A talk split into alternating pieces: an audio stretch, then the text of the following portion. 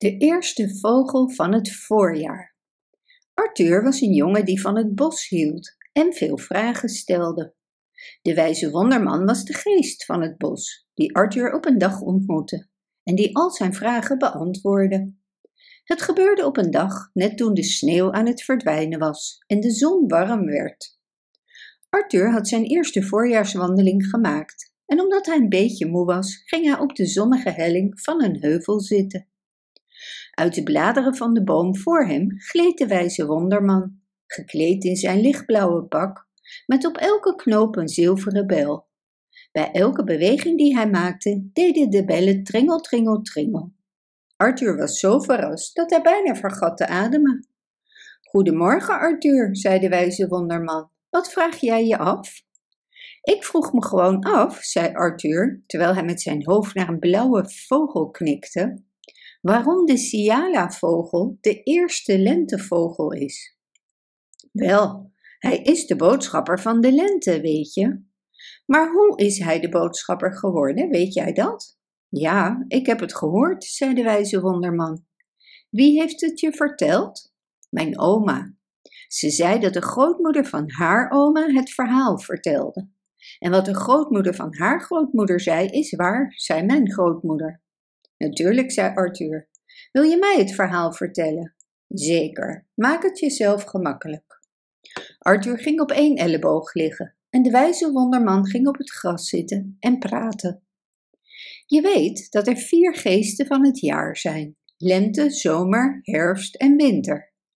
Sommige mensen noemen ze seizoenen, maar het zijn echt geesten. Van alle vier de geesten is lente de favoriet hij kwam al vele jaren lang elk jaar naar de aarde, jaar na jaar, toen hij het in zijn hoofd kreeg dat het iets moois zou zijn en heel goed bij zijn waardigheid zou passen om een boodschapper te hebben. Iemand die zijn kleuren kon dragen en die op de fluit kon spelen. Eerst dacht hij aan de geurige bloemen, die konden zijn kleuren dragen. Maar hij bedacht dat ze de fluit niet konden bespelen. Dus dacht hij aan de zoemende bij. Hij zou kunnen leren om op de fluit te spelen. Maar hij herinnerde zich dat de bij zijn kleuren niet kon dragen. Dus besloot hij dat hij een vogel moest hebben. De lente, die een zeer levendige en praktische geest was, riep die ochtend de vogels bij elkaar. Hij vroeg ze allemaal hem te ontmoeten bij de grote rots, onder de grote boom, bij de grote bocht van de grote rivier. Ze kwamen allemaal, vogels van elke grootte en kleur en beschrijving. Hij zat op de grote rots terwijl de vogels op het gras zaten en luisterde met hun grote ronde knipperende ogen en met de koppen scheef. Hij vertelde hen dat hij een boodschapper verlangde om zijn vaandel te dragen en de fluit te bespelen. De gekozen vogel moest natuurlijk knap en muzikaal zijn, maar hij moest meer zijn dan dat. Hij wilde een vogel met een uitzonderlijk goed karakter. In feite de allerbeste vogel die er te vinden was. Hij verwachtte niet een perfecte vogel te vinden, zei hij, maar hij verlangde naar een vogel die zo perfect mogelijk was. Hij eindigde zijn toespraak door te zeggen dat zijn boodschapper zou moeten zijn, zowel knap als gelukkig, begaafd en goed, en zo bescheiden als bescheiden maar kan zijn. De allerbeste vogel die in het bos vliegt. Ik zou willen dat hij mijn boodschapper is. De keuze, zei hij, zou hij aan de vogels overlaten, omdat zij elkaar door en door kenden. De vogels staken de koppen bij elkaar en spraken in minstens veertig verschillende talen. Ten slotte vertelde hun woordvoerder aan Lente dat ze tevreden waren om de selectie over te laten aan een commissie van zes.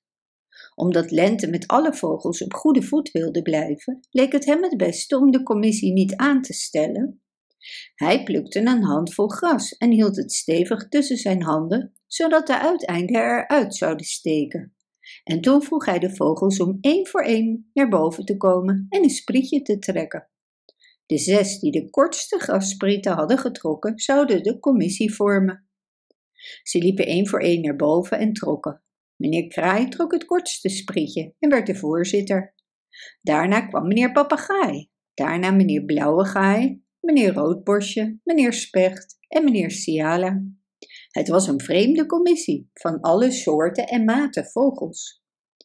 Diezelfde avond ontmoetten de zes vogels elkaar in een hoek van de boomgaard van meneer Boer op een dode tak van een oude appelboom.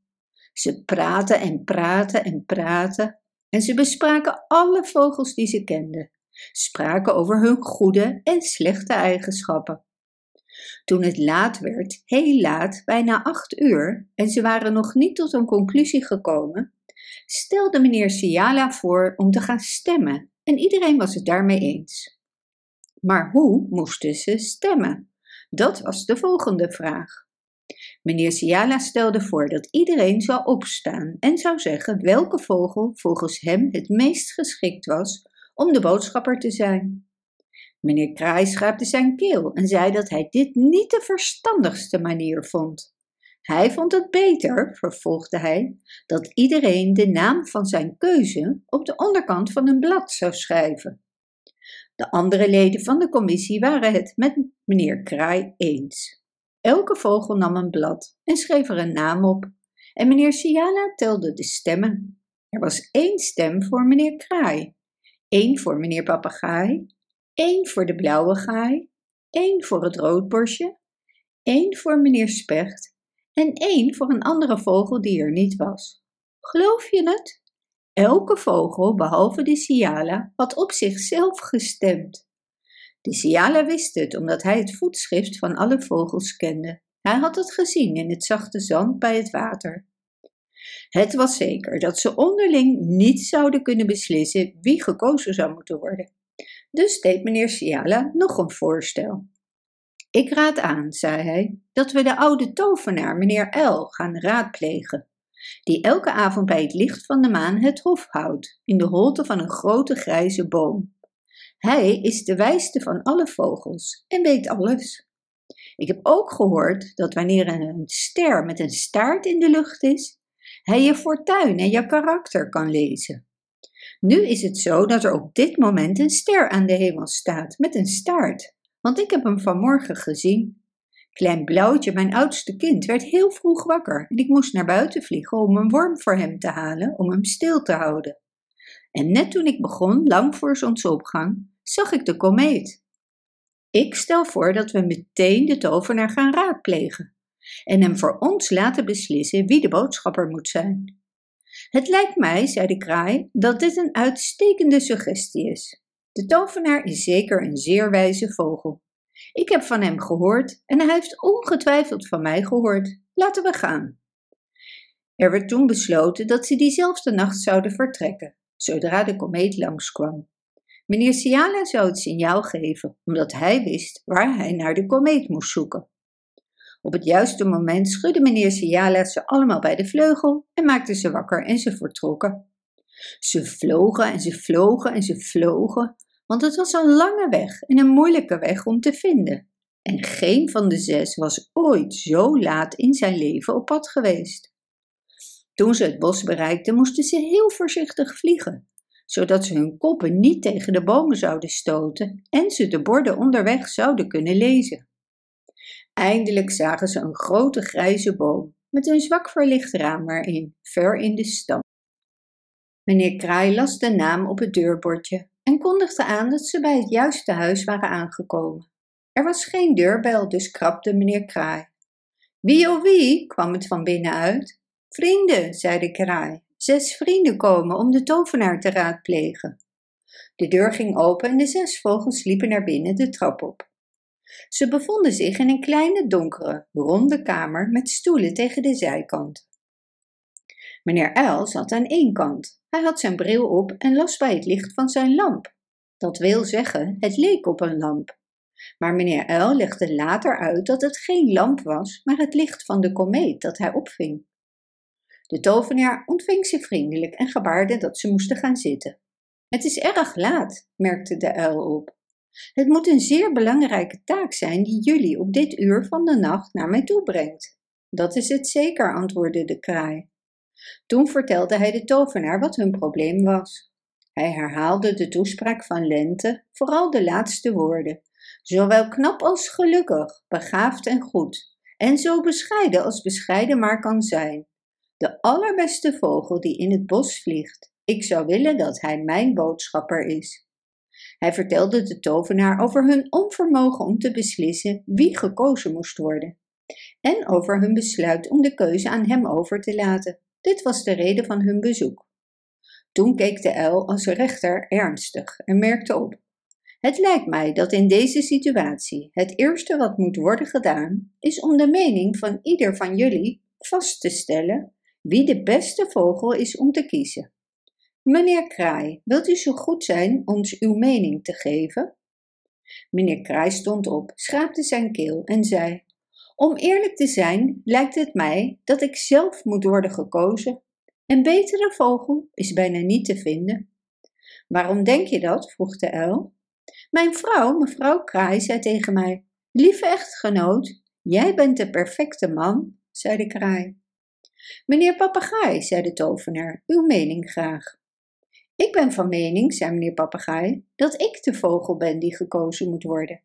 Ik heb mezelf bij vele gelegenheden horen praten en ik weet zeker dat ik zowel met wijsheid als met humor spreek. Meneer Blauwgaai, riep de tovenaar.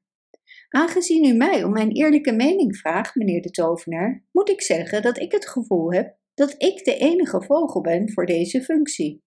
Ik heb vandaag in de spiegel gekeken. In feite zie ik mezelf heel vaak in de spiegel. En ik heb nog nooit een enkele fout in mezelf gezien. Meneer Roodborstje, alsjeblieft. Meneer Roodborstje stond op en zei: Ik ben er vrij zeker van, meneer Tovenaar, na veel observatie, dat ik de boodschapper moet worden. Ik ben knap en begaafd, al zeg ik het zelf. Bovendien leef ik op de beste plek. Ik woon in de boomgaard van de bisschop. Juist vandaag hoorde ik de bisschop zeggen: dat roodborstje is een mooie, knappe vogel, net zo mooi als een bisschop. Ik weet zeker dat die aanbeveling voldoende is. Meneer Specht. Ik ben er zeker van, meneer de tovenaar, zei de specht zeer snel en opgewonden sprekend, dat hoewel ik niet zo groot ben als sommige van degenen die we hebben gesproken, ik meer aanspraak kan maken op dit hoge ambt dan wie dan ook want ik heb er lang een gewoonte van gemaakt om de fouten en zwakheden van alle andere vogels zorgvuldig te bestuderen. En ik weet zeker dat ik geen van deze tekortkomingen heb.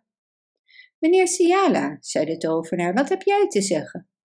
Niets, meneer de tovenaar. Ik heb geen besluit genomen. Ik laat de zaak geheel aan uw wijsheid en oordeel over. En hij ging zitten.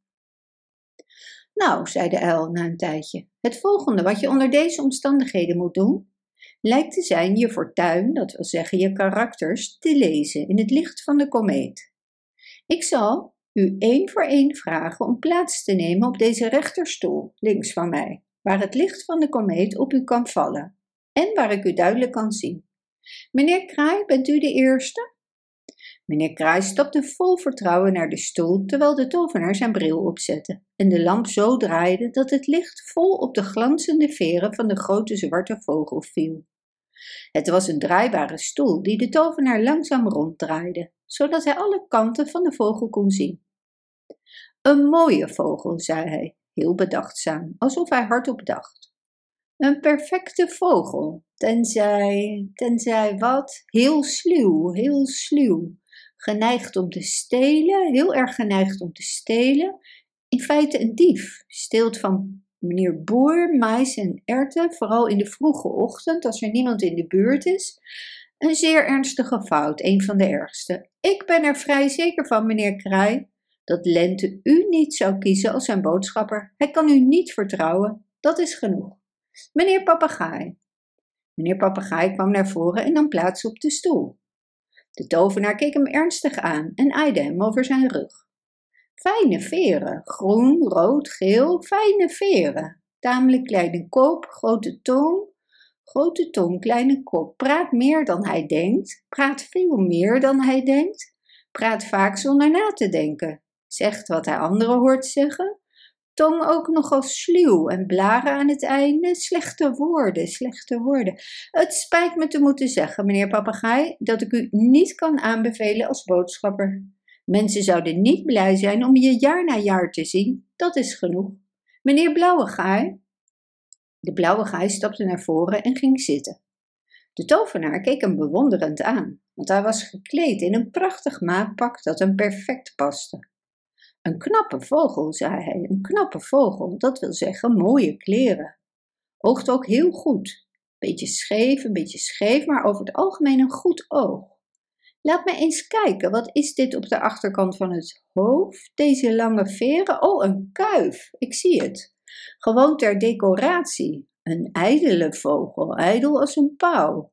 En net als alle ijdele vogels en mensen, moeilijk in de omgang, erg onvriendelijk, houdt ervan alleen te zijn, andere mensen zijn niet goed genoeg. Het spijt me u te moeten mededelen, meneer Blauwegaai, dat Lente u niet als zijn boodschapper wil. Dat is genoeg, meneer Roodborstje. Het roodborstje sprong op de stoel in zijn mooie rokkostuum en rode hemd, zijn borst opgeblazen en zijn ogen glinsterend. De tovenaar keek hem een tijdje aandachtig aan en toen begon hij. U bent een vriend van de bisschop, zegt u. Laat me eens kijken. Een felrode vlek op je snavel. De kersen van de bisschop, zou ik zeggen, maar dat laten we voorbij gaan. Je ogen zijn zeer achterdochtig, zeer achterdochtig, altijd op zoek. Zelfs onder je beste vrienden om te zien of iemand je kwaad zal doen. Kan geen worm uit de tuin van de bisschop trekken zonder de hele tijd achterdochtig rond te kijken? Een erg ongelukkige gemoedstand om in te verkeren. Ongelukkig voor jou, ongelukkig voor anderen. Je zou nauwelijks geschikt zijn voor de boodschapper. Dat is genoeg, meneer Specht. De specht fladderde luidruchtig op en nam zijn plaats in. U zegt, begon de tovenaar, dat u niet de fouten van de andere vogels hebt. Ja, zei de specht, heel snel pratend. Ik ben niet zo gemeen als de kraai en ik praat niet zulke onzin als de oude papegaai. En ik ben niet zo koppig als de gaai en ik ben niet zo achterdochtig als de vriend van de bisschop is. Ik heb geen enkele fout van de andere vogels. De tovenaar schoof zijn bril op zijn voorhoofd, draaide het licht weg en keek hem aan. Ik begrijp het, zei hij. Ik heb het komeetlicht helemaal niet nodig. Ik kon je in het donker zien. Scherpe snavel, scherpe tong, scherpe klauwen, in een voortdurende staat van slecht humeur, zeer ruziezoekend, zeer onaangename buurman. In feite een veel voorkomende overlast, dat zal genoeg zijn. Meneer Siala. Ik weet zeker, meneer Uil, zei de blauwe vogel terwijl hij opstond. Ik ben niet de uitverkoren vogel, want ik weet dat ik verre van een perfecte vogel ben. Ik heb veel fouten. Er zijn veel betere vogels dan ik, uit wie Lente zijn boodschapper kan kiezen. Maar de tovenaar stond er nogal op dat Siala naar voren zou komen, waar hij zijn fortuin kon lezen. Je zegt dat je veel fouten hebt, merkte de uil op. Dat kan zijn, maar ik zie aan het licht van de komeet dat ze klein zijn. Heel zwak inderdaad. Bovendien is het vermogen om je fouten te zien en de wens om ze te corrigeren de grootste deugd. Er zijn misschien betere vogels, maar ik moet eerlijk zeggen dat ik ze niet ken. Ik aarzel niet, meneer Siala, om te zeggen dat het mijn oordeel is dat u de voorbode van de lente moet zijn. Want als u mij toestaat het te zeggen, lijkt het erop dat u zowel knap als gelukkig bent, begaafd en goed, en zo bescheiden als bescheiden maar zijn kan. Meneer Siala bloosde, terwijl hij in zijn hart heel blij was. Lente was het met meneer Uil eens en plakte op elke boom langs de waterkant een bordje dat meneer Siala voortaan zijn boodschapper zou zijn, de eerste vogel van de lente. Er zit er eentje op de tak van die oude boom, zei de wijze wonderman. Hij draagt de kleuren en speelt op de fluit. En wat zegt hij? vroeg Arthur. Nou, zei de wijze wonderman, ik vroeg het hem op een dag en hij zei dat het was. Lente is hier, lente is hier. Bedankt voor het luisteren. Wist je dat je dit verhaal ook op onze website ririro.com/nl kunt lezen, downloaden en printen?